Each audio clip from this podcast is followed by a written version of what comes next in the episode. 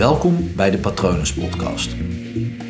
Mijn naam is Paul Vet en in deze podcast deel ik inspiratie voor een leven vol vrijheid en verbinding.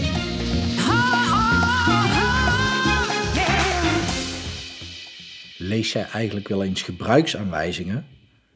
Ik eigenlijk gewoon nooit. En ik zeg het wel alsof het een beetje een geheim is, maar volgens mij doet bijna niemand dat. Want die gebruiksaanwijzingen die zijn altijd heel dik.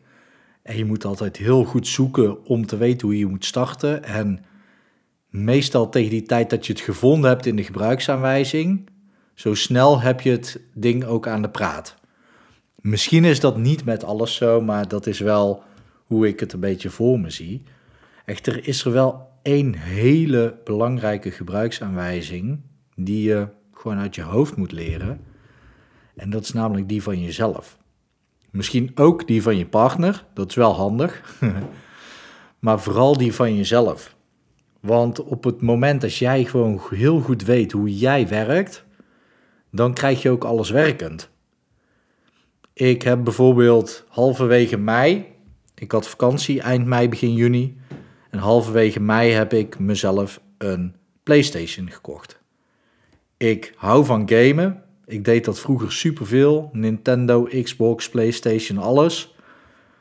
Ik was eigenlijk het meeste fan gewoon van Super Mario en Zelda op de Nintendo. Maar goed. Ja, en volgens mij ook uh, Splinter Cell vond ik ook heel vet. Maar zo lang was het dus eigenlijk geleden dat ik heb gegamed. Want volgens mij bestaat die game al lang niet meer, Splinter Cell. En Super Mario wordt natuurlijk altijd weer vernieuwd, net zoals Zelda. Je denkt nu misschien, wat een nerd en waar heeft hij het over? Maar goed, ik houd van gamen. En de afgelopen jaren heb ik al heel vaak op het punt gestaan om gewoon weer een spelcomputer te kopen. Omdat ik het toch miste. Want ik wilde soms gewoon in plaats van een boek lezen, in plaats van iets ontspannends doen op een andere manier, wilde ik gewoon lekker voor me uitzitten te staren en een potje FIFA spelen of een potje racen. Om elke ronde weer te kunnen verbeteren. Of gewoon een vette shooter te spelen of gewoon een roleplaying game, zoals Zelda. Met een avontuur en een verhaal en een zwaard en een schild en een pijl en boog en puzzels oplossen en zo. Ja, vond ik te gek. En dat kriebelde steeds weer. En nu dacht ik, oké, mijn vakantie staat voor de deur. En ik heb heel erg de neiging om alsmaar weer door te blijven werken. Nu kan ik natuurlijk ook gewoon de hele dag gaan lopen. Het is coronatijd eh, terwijl ik dit opneem. Dus echt naar het buitenland op vakantie kon sowieso niet. Dus ik dacht, oké, dan wil ik gewoon weer eens even gaan gamen. Ik vind het ook vet hoe dat de visuals, hoe dat het eruit ziet, hoe dat zich aan het ontwikkelen is de hele tijd. Want ja, laten we wel wezen hoe het er nu uitziet ten opzichte van 20 jaar terug. Dat is echt letterlijk een wereld van verschil. Niet normaal. Ik vind dat zo vet om te zien. Hoe, nou ja, ik heb dus die PlayStation gekocht. En als, als je dan het spel Assassin's Creed kent, dan zie je gewoon de Griekse oudheid. En dan sta je op een heuvel en dan kijk je van berg af en dan zie je gewoon een adembenemend uitzicht. En het, het begint gewoon op echt iets echts te lijken. En ik heb dan stiekem ook nog even de nieuwe uh, PlayStation opgezocht. De nieuwe PlayStation 5 en dan de tech demo daarvan om te zien wat ze daar dan weer in kunnen. Ja, het, straks is het gewoon echt niet meer van echt te onderscheiden. En dat vind ik ook gewoon tof. Maar goed, ik heb dus een PlayStation gekocht. En ik heb ook met mezelf afgesproken: oké, ik koop een nieuwe. Want als ik hem daarna te koop aanbied, dan heb ik dus een vrij nieuwe PlayStation te koop. Die verkoopt makkelijk. Ik heb hem eh, voor 300 euro gekocht. Ik wil er 200 euro voor terug. Dat kost me 100 euro om gewoon tijdens mijn vakantie gewoon lekker op momenten of zoveel als ik wil te gamen. En voor mij werkte dat, want ik heb hem gekocht, ik heb gegamed, ik ben er nu ook alweer beu, gelukkig.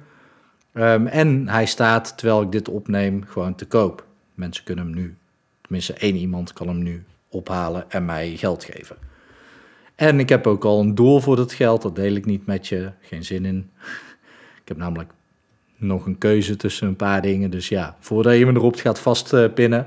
Maar ik heb dat geld ook alweer gereserveerd voor iets anders, zodat ik me daar ook netjes aan houd omdat ik anders, want ik ken mezelf gewoon, ik kan gewoon geen maat houden. En dan, dan zou ik gewoon de komende tijd blijven gamen. Sterker nog, dan weet ik zeker als ik hem had gehouden. Ik doe nu net alsof ik hem al heb verkocht, hè, want dat is dus nog niet. Maar ik weet zeker dat als ik hem had gehouden, dat ik dan ook in de verleiding zou komen om hem wel eind dit jaar te verkopen en dan de PlayStation 5 terug te kopen. Omdat die visuals en die graphics zoveel beter zijn en vetter. En nou ik zou helemaal loco gaan, zoals je nu alweer merkt. En ik, weet, ik ken mezelf gewoon. Ik weet hoe ik werk daarin. Dus voor mij werkte het om het op deze manier te doen. Ook niet de PlayStation lenen. Dat iemand tegen me kan zeggen: ah joh, hou hem maar gewoon de komende tijd. Ik speelde toch niet mee. Ook allemaal gedoe met ophalen, kabeltjes en weet ik het. Gewoon nieuwe kopen en een vrij nieuwe weer doorverkopen. Dat was voor mij gewoon een hele simpele manier. En voor jou zou dat misschien klinken als wat een gedoe of wat een geldverspilling misschien wel.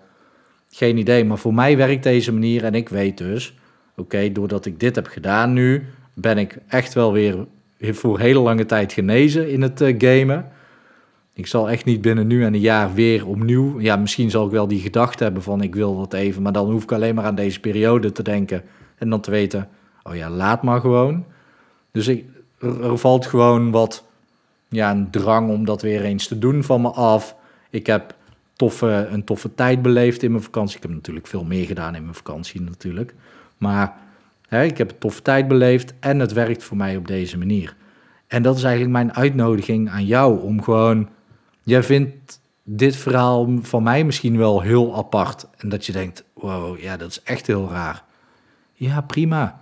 Als jij dat raar vindt voor mij, het is een uitnodiging voor jou om gewoon jouw eigen gebruiksaanwijzing ook in jouw voordeel te laten werken. Ook al vinden andere mensen dat raar. Laat het ze maar lekker raar vinden, prima.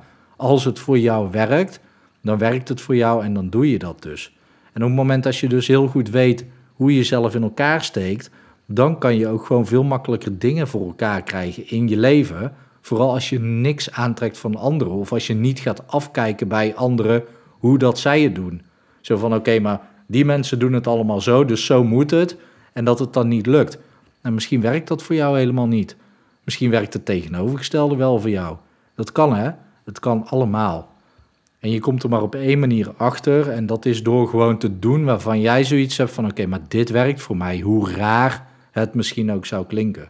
Dus dat is mijn uitnodiging voor jou. Uh, ik hoop natuurlijk dat het goed met je gaat. Heb jij van dit soort uh, aparte manieren om dingen te doen, hoor ik het natuurlijk ook graag van je. Je kan me natuurlijk even volgen op Instagram, hypnopal.nl en op mijn website www.hypnopal.nl kun je zien wat ik voor jou kan betekenen.